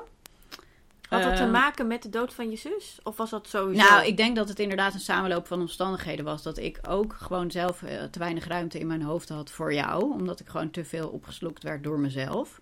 En mijn eigen ehm, ja, rouwproces of die, die situatie in mijn persoonlijke leven. En dat ik me ook eh, heel erg, ja, dat ik me toch aan jou echt was gaan irriteren. En dat ik echt eh, er genoeg van had. Ik dacht, oh ja, ik weet het gewoon niet met Tinkerbell. Ik heb er gewoon echt helemaal geen en zin wat, meer wat, in. wat irriteerde je dan? Ehm, ja, ik had gewoon, ik bleef toch met de blik kijken van dat ik vond dat jij dat niet moest doen. Eh, jezelf, ver, ja, van, oh, dat. Dus dan kom je weer terug op de sterilisatie. ehm, ja, eigenlijk wel, ja. Of ook andere dingen. Je had een, je had een heel erg een oordeel. Ja, ja, ik had, eh, ik had, eh, ja, Wat was je oordeel? ehm, ja, goh, dat vind ik wel heftig eigenlijk, want dat hebben wij nooit zo tegen elkaar. eh, Kom maar op. Ja, eh, aansteller, denk ik. Aansteller, hysterisch, hysterisch. En ehm, oppervlakkig ook wel. Als ik het te oppervlakkig vond. Dus je vond me een aansteller, hysterisch en oppervlakkig. En, en je was ook nog geïrriteerd. Daardoor, ja. Daardoor was je geïrriteerd. En dit werd door jou bevestigd in al het archief. Ja. En wat had dan de dood van jouw zus hier ook nog voor invloed op? Ehm, ja, nou, wat. ehm, ik was daar gewoon heel erg zelf ook door aangeslagen. Dus ik voelde me heel. ehm, Door de dood van je zus. ja, en ook wel door, door hoe dat, dat hele proces rondom, eh, hoe dat was gegaan en zo. Want wat was daar gebeurd? Ja, het was ook in coronatijd. Dus wij hadden... eh, zij was heel erg ziek. En, ehm, maar alles, zij had jonge kinderen. scho- de scholen waren dicht. Eh, dus wij hadden met de familie voor haar gezorgd in een eh, vakantiehuisje. Want als zij al in een verzorgplek van, was om te verzorgen... dan mocht ze geen bezoek meer ontvangen. Dus wij hadden heel intensief voor haar gezorgd. Met een, een groepje mensen, ook twee vriendinnen. Ehm, ja, en dat is natuurlijk een heel... Als het over familie gaat, dan... is dat een situatie waarin ja, er heel veel dingen soort aan het licht komen. Of dat is gewoon ingewikkeld met een familie. Ehm, dus, ehm, dus ik was echt wel uit het, ja, uit het veld geslagen daardoor. Ehm, nou ja, wat natuurlijk ook logisch is, als er gewoon zo'n ingrijpende gebeurtenis is van iemand gaat op jonge leeftijd dood. Ja, dan ben je gewoon. Ik denk dat dat misschien, weet ik, ik weet niet wat mensen daarvoor zeggen, hoe lang dat duurt. Maar goed, hoe dan ook, is het gewoon heel ingrijpend. En de Sanne, de producent, dat natuurlijk ook. Want haar beste vriend, haar compagnon, haar partner, niet in het levenspartner, maar in de partner, in professionele partner, die was opeens eh, ook overleden. Dus in die zin was het gewoon ook in, eh, bij de productie ook ingewikkeld. Dus zowel jij als de producent, jullie Ja. allebei iemand verloren Ja. heel dichtbij. Ja, Die, die eh, heel essentieel was in het leven, kan ik dat zo zeggen? ja. Precies, ja. Dus En ehm, dan, dan moet je 400 uur... veel maken over iemand die super irritant vindt. Denkt, Ja. oh nee, ik heb er echt helemaal geen zin Want, in. want ben, je dat, ben je mij irritanter gaan vinden tijdens het kijken van dat archief? Ja. Of was dat al daarvoor? Was er al irritatie? Nou, ik was wel...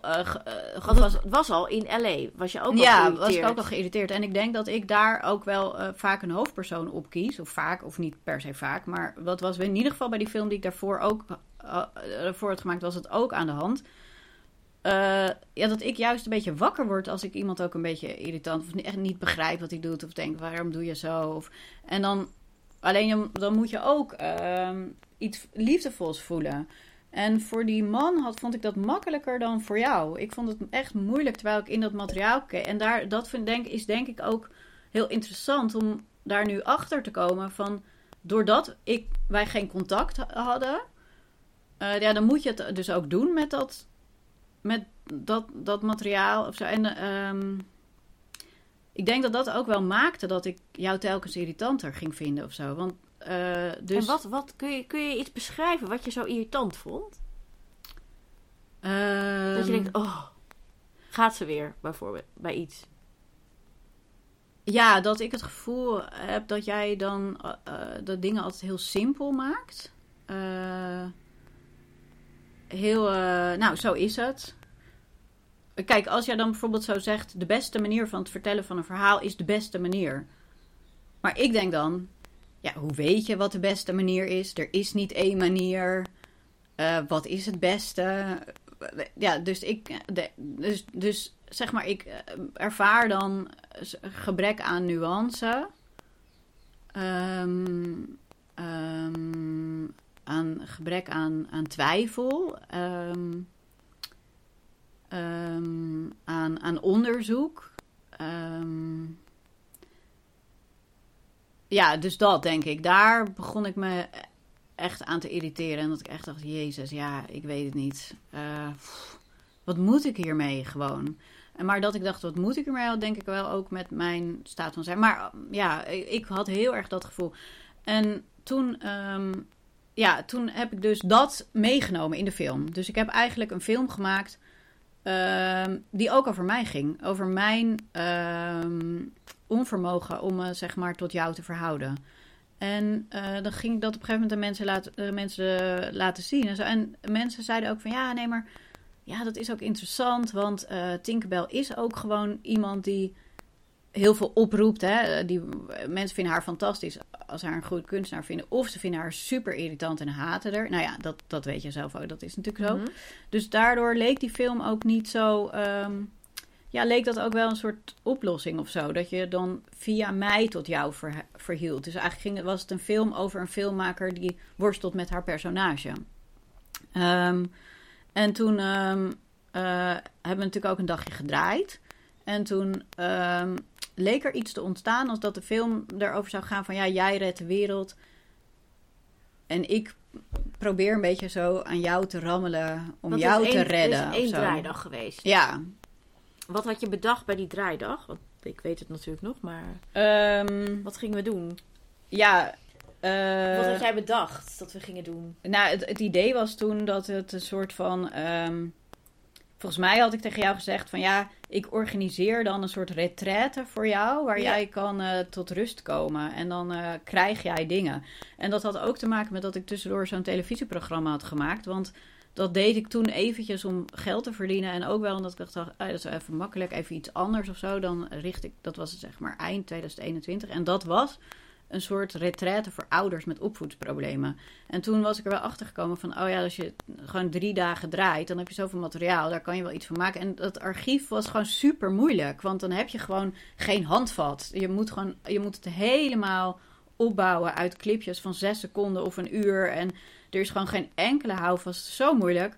Ik, en die, de- dat, ja, dat leek gewoon toen voor mij een onmogelijke klus. Dus toen eh, hadden we bedacht, ook met de Mare met wie ik toen nog samenwerkte, van oh ja, we doen, dan doen we dat net als met die vorige, met dat televisieprogramma. Dan heb je gewoon een paar dagen draaien en dan hebben we iets om op te varen. En dan, en dan was het idee van, eh, jij redt de wereld, ik red jou. Maar dat vond ik dan een stom idee. Dus ik zei, ja, dat mag het niet zijn. Maar daar kwam het wel een beetje op neer. Dat ik jou dan een cadeau ging geven, zodat jij een soort van... Wat was het cadeau? eh, oh ja, dat was... ja, dat is een voorstelling van een goede vriendin van mij. Maar dat was ook een beetje een rare actie. Want dat sloeg helemaal nergens op. Het had geen... Je moet het uitleggen. Mensen hebben geen idee.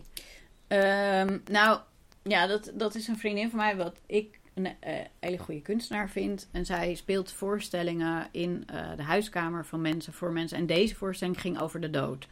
En ik had dat zelf gezien. Eh, ik zou al heel lang iets met haar samen doen. En ik had dat. Eh, we gingen iets anders samen doen. Nou ja, goed. Anyway. En toen was het een beetje zo'n soort van. Ja, weet het niet. Nou, laten we dit dan, dit dan doen. Zo, het was gewoon niet goed doordacht. En Laten we dit dan doen. Wat, wat, ja, dat wat zij doen? de voorstelling voor jou ging spelen. zij ging een theaterstuk voor mij op spelen. Ja, En ik was het enige publiek. ja, was het enige publiek. Ja, en dat doet zij wel vaker. Er zijn wel meer mensen die dat doen. En dat was een cadeau aan mij. Ja, Jij dacht, hier wordt Tink blij van. Dit is een retraite. nou eerlijk gezegd denk ik dat ik dat niet eens dacht. Ik dacht niet eens, ja... Ik, ik dacht gewoon, het is interessant omdat het zoiets anders is. Zo'n ander soort gehoek dan waar jij vandaan komt. Dat levert dan misschien iets op. Het is interessant wat het oplevert. Wat gebeurt er dan? Wat krijg je dan voor gesprek? Maar wat er gebeurde is dat jij er totaal van dichtklapte. Ik denk dat het een beetje hetzelfde was als wat we van de week hadden met die liefdesdokter. Want jij zei toen ook op de terugweg in de auto van... eh, oh, ik word daar heel eh, geïrriteerd van. Ja, maar je moet ook dat uitleggen. Ja, dus we hadden een, eh, een viewing en eh er was een nagesprek door iemand in. het was op een heel leuke plek, in een galerie. en het nagesprek was, werd geleid door iemand die zich de liefdesdokter noemt. En dat zit dan. Een, ja, en jij, gewoon alleen al zo'n naam, vond jij al heel super irritant. Ja, wat ik ook wel begrijp. Maar en toen zei zij zoiets van, oh, in, naar het publiek kun je even iemand even zijn hand op zijn hart leggen om even iets te voelen over wat deze film met je heeft gedaan. Zo, dat, dat was haar eerste. Dat is het eerste wat ze zei. Na en toen wilde jij ongeveer al gaan, toch? Het was ontzettend belachelijk, stom en irritant. Het was echt gênant, ja. Maar even terug naar... Jij ging mij een cadeau geven, zo had je het ook aan mij verteld. Een retraite en ik kreeg een theatervoorstelling privé voor mij. En dat was ongeveer het slechtste wat ik ooit heb gezien. Ja, nou, daar ben ik het dus niet mee eens. Ik vind haar een goede kunstenaar. En, eh, maar dat vond jij. Eh, Ja. ja. jij vond het echt verschrikkelijk. Ja, Ja, en, ehm, ja, en het was, ja, het was dus, het was ook gewoon een, eh, ja, het was een mismatch. En, maar het gesprek dat het opleverde, ja, dat was ook een gesprek, dat, eh, dat had ik wel, heb ik wel in die versie ge- gemonteerd. Een gesprek van, ja, wel mensen, drie mensen eigenlijk, eh, zij deed ook een beetje mee, die elkaar gewoon totaal niet konden vinden. En dat er gewoon geen enkel contact tussen ons was. En eh, we zaten gewoon totaal langs elkaar heen te praten. Eh, ik probeerde iets te zeggen over wat is de invloed van je, je jeugd of zo. Ben je, ben je de wereld aan het redden of ben je jezelf aan het helpen?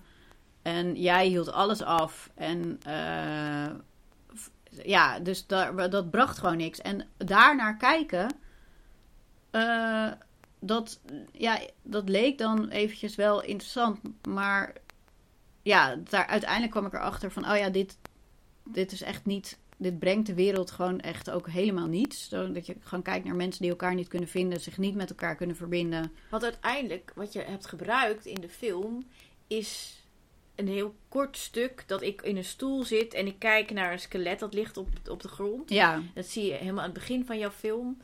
En later in de film zie je me eigenlijk alleen maar heel kwaad kijken.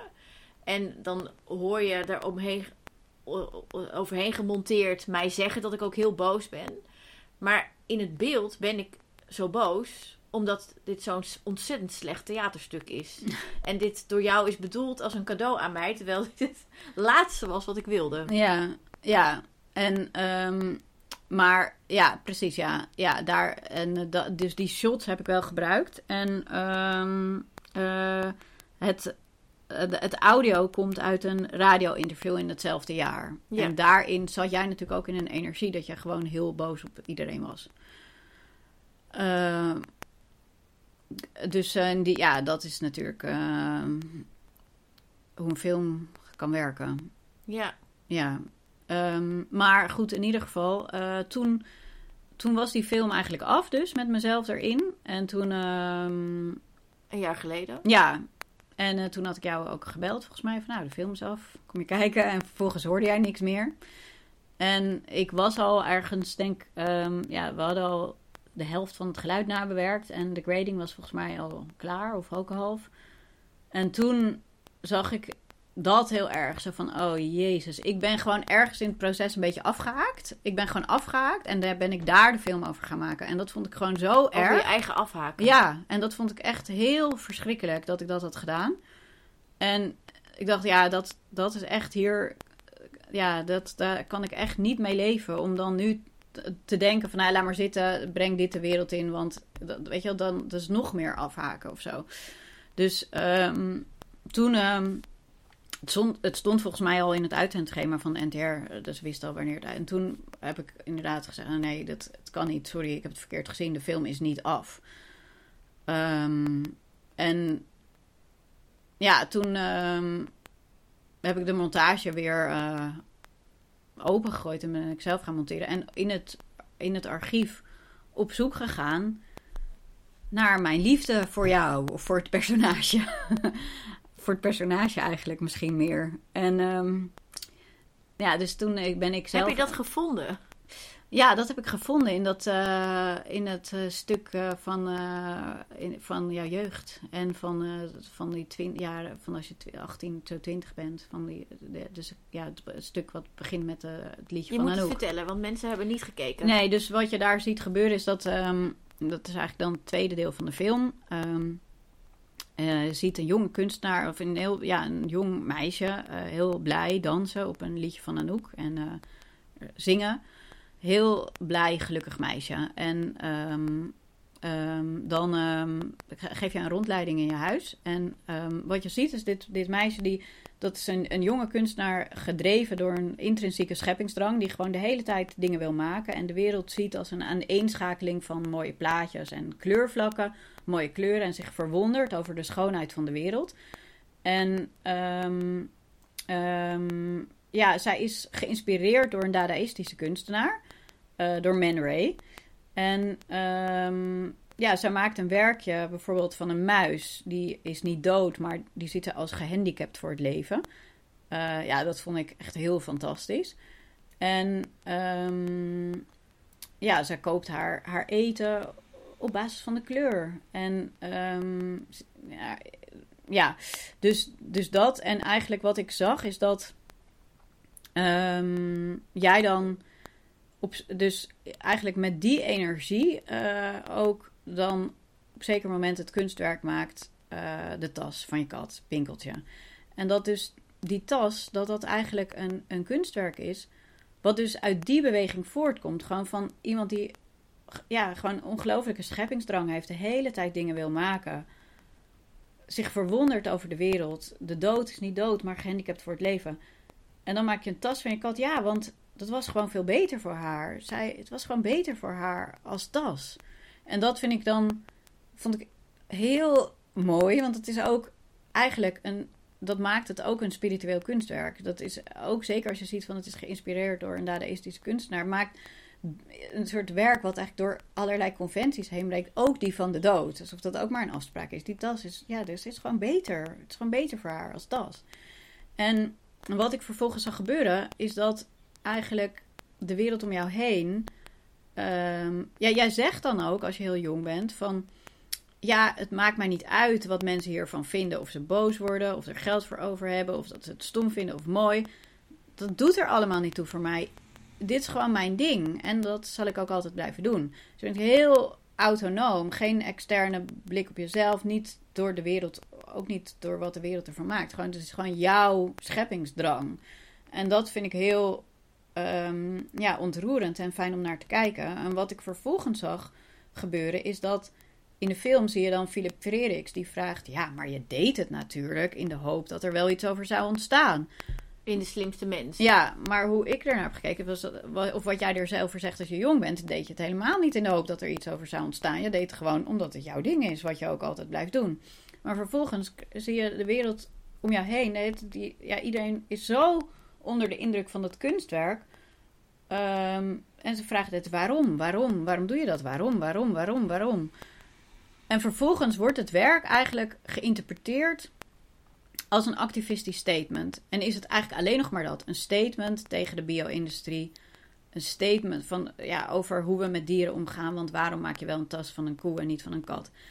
En um, ja, dat reduceert het kunstwerk eigenlijk tot dat. Terwijl het ook nog zoveel meer is. Maar dat andere, ja, dat verdwijnt eigenlijk uit het werk. En wat ik meen te zien, maar jij weet dat natuurlijk zelf beter, maar gewoon zoals ik de film heb opgebouwd. Hoe ik er naar heb gekeken, is dat jij dat activistische statement vervolgens. dat dat de basis werd van jouw verdere werk. Dus dat je dat heel erg bent gaan uitvergroten. En daar op die, dat spoor heel erg bent doorgegaan.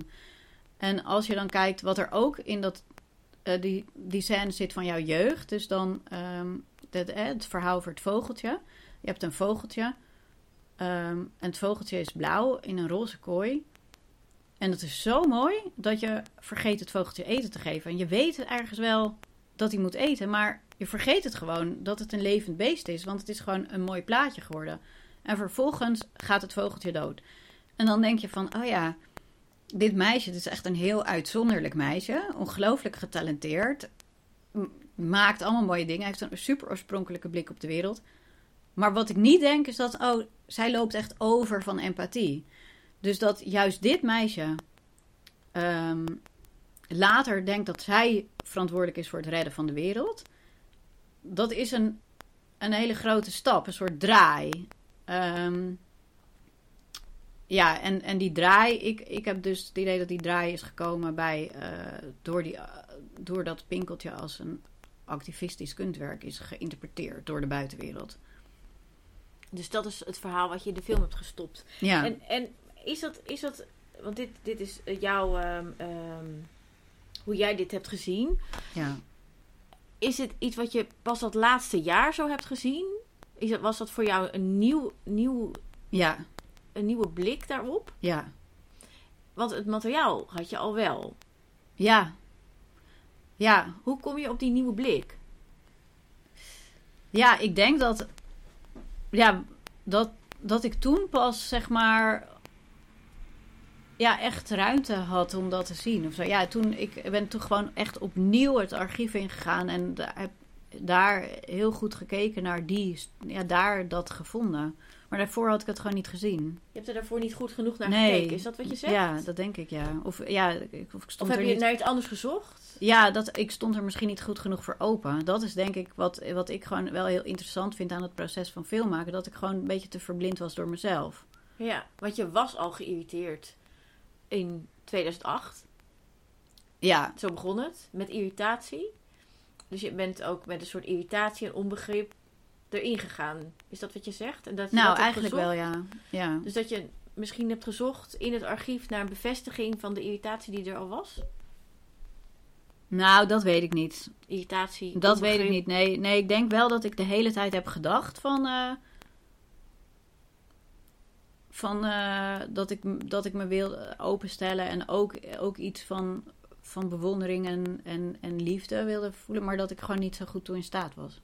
Ja. En dat ik toen eigenlijk pas in nu, dus ongeveer echt nu een jaar geleden, ehm, ja, opnieuw ben begonnen eigenlijk. En met een hele nieuwe blik. Ja, en dit, verhaal, dit heb gezien, ja. En wat met deze nieuwe blik en een nieuwe, bijna helemaal nieuwe montage volgens mij, als ik jou hoor. Nou, er zijn ook wel dingen gebleven, maar, ehm, maar het is wel een hele, ja, het is ook een, een andere film. En wat wil je dan in deze andere film, wat wil je de kijker meegeven van jouw blik? Ja, dat vind ik altijd heel moeilijk om zo zelf te zeggen. Ja, ik kan het natuurlijk wel zeggen, maar ik, heb er, ik vind het altijd gewoon heel vervelend om in die zin je eigen werk zo te duiden. Want dan maak ik het ook heel plat of zo. Ik heb een keer gehad, bij de vorige film die ik had gemaakt, dan was bijvoorbeeld de hoofdpersoon, eh, die film heette ook de hoofdpersoon. Ehm, toen, eh, daar had ik dan iets over die film gezegd in de krant, in een interview. En toen was hij opeens heel boos. Toen dacht ik, hè? Hoezo ben je nou boos? Want het is toch overduidelijk dat je dit ziet in de film. Maar het is gewoon, als je dat dan zo zegt met woorden, dan heeft het een heel andere lading. Wordt het ineens heel, heel plat of zo. Terwijl een film zelf, ja, veel gelaagder is. Ook omdat je erin kan zien, het, je, ja, het, wat je ziet gaat ook heel veel over jezelf of zo. Snap nou, je? misschien moet ik het, moet ik, En moet het is ik niet de vraag anders ja. stellen. Als mensen de film kijken en, en, en het hebben bekeken, met welk gevoel wil je dat ze daaruit gaan? Ja, nou. ehm, ja, dat is wel interessant eigenlijk. Eh, wat het nu is, is denk ik dat. dat weet je nog van de week dat ook iemand zei: ja, ik word er eigenlijk een beetje naar van. Ja, ik vroeg mezelf af of dat kwam door de film of door de liefdesdokter. Oh ja. Want de liefdesdokter stelde een hele stomme vraag. Oh ja, oké. Ja, want dat is niet per se mijn bedoeling eigenlijk. Ik. ehm, nee, voor mij gaat het toch wel over. over empathie en het opschorten van je oordeel. En. ehm, Daar gaat de film over. Nou ja. Ik weet niet of de film er echt over gaat, maar het is wel een, mijn zoektocht. Ik zoek daar wel naar. Ja, een soort begrip voor het tragische van de mensen, het menselijke. En- Maar dat is ook in hele algemene termen. Maar ja, mensen, ja, gewoon mensen hebben het moeilijk. Alle mensen hebben het moeilijk. Ja, misschien sommige mensen hebben het wel minder moeilijk of zo. Maar ja, het leven is gewoon ook een ingewikkeld iets. Ja. Het is moeilijk om een mens te zijn. Dat is, eh, dat is gewoon echt zo. Ja, dat vindt misschien niet iedereen, maar dat vind ik. Dus daar wil ik dan graag dat het over gaat. Ja. Dus is het toch jouw verhaal. Ja, Ehm, nou ja, hadden we het net al een paar keer over. Dan, tijdens het maakproces, dus die vijf jaar, is er tussen ons bijna geen contact geweest.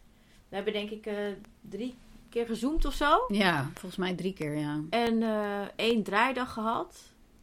Maar verder eh, geen contact gehad. En af en toe kwam er iemand van de productie bij mij thuis om mijn telefoon leeg te trekken en zo. Ja. En spullen op te halen. Maar dat was jij ook niet zelf. Nee. Dus het contact was minimaal. En dat betekent dus dat ook ehm, van heel veel beeldmateriaal dat je hebt gekregen, daar was ook geen context bij. Heb je niet kunnen weten of kunnen vragen wat het was. Dus, dus er was een soort hele berg. En je hebt een soort idee ontwikkeld van irritatie en misschien wel haat naar een soort van eh, liefde die je, waar je naar hebt moeten zoeken. Ehm, maar nu zijn wij sinds eh, anderhalve maand een beetje aan het tour met deze film. We hebben een aantal interviews gegeven. En reageer ik terug. Ja. Ik praat ineens tegen je. Ja. En ehm, eh, vind ik ook dingen van wat je hebt gemaakt. Ehm, heeft dat jouw blik veranderd? Ja, want dat, ik vind dat heel fijn. En ergens denk ik wel van ja, dat wa- was misschien wel. ehm, ja, dat, dat had ook binnen de film ge- gekund of zo, of zo. Ik weet niet. Ik ben nog aan het soort, ja, soort processen wat ik, hoe ik dit ervaar. Maar wat ik heel prettig vind, we hadden op, op- dat we op, op vorige week of, of de week daarvoor, ik weet niet meer wanneer het precies was, of misschien was het wel vorige week, dat interview hadden waarin jij opeens toen zei van ja, weet je, ik vind het echt een mooie film, maar ik vind het totaal nutteloos voor de wereld. Ik vind het zo zinloos. Dit. En dat vond ik op een, een of andere manier heel prettig, omdat het zo. Ehm, ja, omdat het de dingen zo heel duidelijk maakte tussen ons of zo. Van jij bent jij, ik ben ik. En wij zijn heel anders. En Maar ik herinner me in de opnamedag die wij gehad hebben, dat jij juist zei: we lijken heel erg op elkaar. Dat jij verbaasd was toen dat ik zei: volgens mij lijken we helemaal niet op elkaar. We zijn heel anders. Ja, maar dat, dat is meer omdat ik. Ik bedoelde dat meer van. Omdat ik eigenlijk toen zocht naar zo van. Ja, alle mensen lijken op elkaar of zo. Ik, ik denk dat ik dat zocht, zoiets universeels, maar dat ik dat gewoon een beetje probeerde af te dwingen of zo. Omdat ik dat zocht. We En probeerden ik ging daar niet in mee, dus ik werd nog irritanter, of niet? Ja, ik, ja. ehm, nou, dat weet ik niet. Maar ik denk dat het ook logisch was dat je er niet in meeging. Omdat ik het misschien zelf ook helemaal niet nog geloofde of zo. Of daar was op een plek dat ik dat ook kon ervaren. Ik, ik wilde het, maar ik ervaarde het helemaal niet of zo. Ja, het klinkt allemaal een beetje vaag. Maar ja, toch was dat wel, denk ik, de situatie. En ehm, ehm, eh, wat, wat ik. Ja, wat, ik, vind, ik vind het eigenlijk heel leuk dat wij nu dat kunnen doen. En ja, dat ik dan ook eh, wel zin erin kan hebben. Of dat wij het dan heel gezellig hebben. Zoals we zo langs de McDonald's gaan in de nacht en zo. En dat het dan. ehm, ja, en dat dat gewoon heel. eh, ja, ik weet het niet. Dat het heel fijn is van dat je niet zeg maar in contact niet iets zoekt van afstemming of zo. Dat je niet iets zoekt van harmonie of dat je niet zoekt naar ja, een soort bevestiging en niet van oh ja, wij, eh, maar dat jij gewoon jezelf bent en ik ben mezelf. We zijn heel anders en we denken over alle dingen heel anders. En we zijn dan samen dat aan het doen en dat is leuk. En dan op die manier geïnteresseerd in elkaars leven. En dat, ja, ik heb kinderen of zo, dat heel ver van jou afstaat. Of, en, eh, ja, of die, dingen, en jij hebt dingen die heel ver van mij afstaan. En dat, en dat wij dan gaan geïnteresseerd. Ja, ik weet niet, dat, dat vind ik gewoon heel ehm, prettig. Jij kan denken, ja, dat is heel vanzelfsprekend. Maar ik weet niet, ik vind dat niet per se heel vanzelfsprekend. Dus voor mij, ja, ik vind dat een hele waardevolle ervaring. En, en, en is dan het beeld dat jij in 2008 of in 2012 van mij had, is dat dan nu heel anders? Nou, het vreemde is dat dat niet eens per se heel anders is. Ja, dat is echt heel wonderlijk eigenlijk. Als ik daar nu, dan denk ik van ja, dat. eh, ik weet niet of dat echt heel anders is. Het is misschien meer mijn eigen perceptie eh, erop die anders is of zo. Kun je dat, kun je dat? Nou, mijn oordeel. Dat ik, dat, ik geen, dat ik niet in de weg meer word gezeten door mijn eigen oordeel. Dus jij bent gewoon. Ja, dat is het eigenlijk meer. Ja, of misschien is mijn blik wel veranderd dat ik minder vind ook. Dat ik gewoon minder vind. Minder denk te weten. Ik denk dat in mijn soort hele erge slechte eigenschap die ik heel lang in mijn leven heb gehad en die me ook heel veel eh, problemen heeft opgeleverd en ook eh, relaties heeft gekost, is dat ik probeerde mensen te veranderen of tot inzicht te brengen. en dat eh, probeerde je bij mij ook, ja. denk je. Ja, Jij dacht de wereld redden, wat een onzin. Je redt Wat jezelf. oppervlakkig. Ja, je bent jezelf aan het redden. Doe dat nou op een directe manier en ook niet op zo'n indirecte manier. Want je denkt nog steeds, dit werkt niet wat ze doet.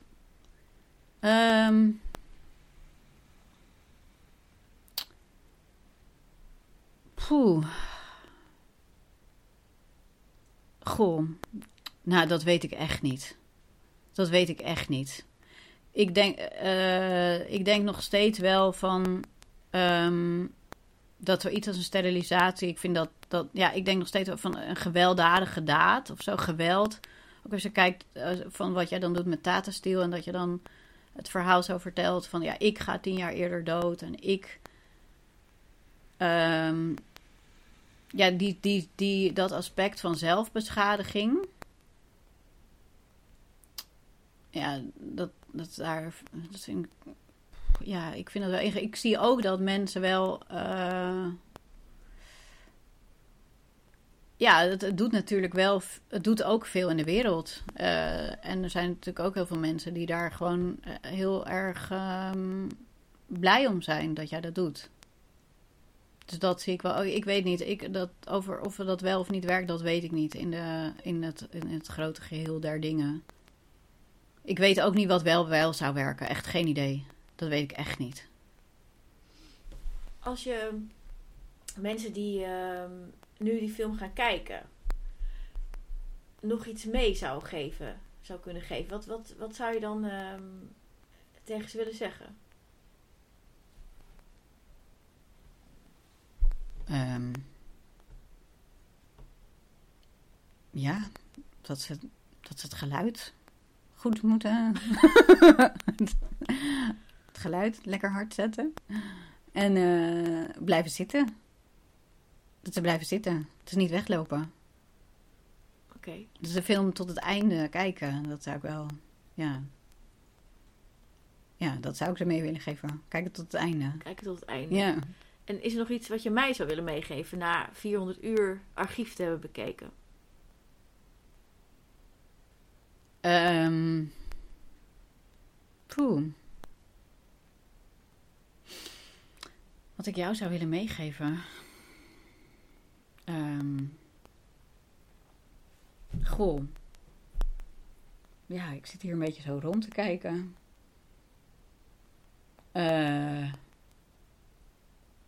nou, ik zou dat zo even echt niet weten. Misschien tot slot, er zit één uitspraak in van mij dat ik zeg ergens halverwege het maakproces of zo. eh, Judith kent mij beter dan ik zelf. Misschien moet ik daar zelf op terugkomen. dat is niet waar. Ik denk nee, het niet. Nee. Nee. Nou, ehm dankjewel. Ja, jij ook. Dankjewel. Ja. Ja, ik zit nog steeds na te denken of ik iets aan jou wil meegeven. Maar ehm, Misschien voor een ander moment. ja, nee, ik, ik hoop Ja. gewoon dat jij eh, gewoon veel geluk. Dat, dat gewoon. Ik hoop gewoon dat het goed met je gaat. Dat is het. Dat Nou. wil ik wel meegeven. Dat, eh, dat wens ik eh, jou natuurlijk ook. Nou, ik, ik, ehm, ik ga er een einde aan breien. Ja. Dankjewel.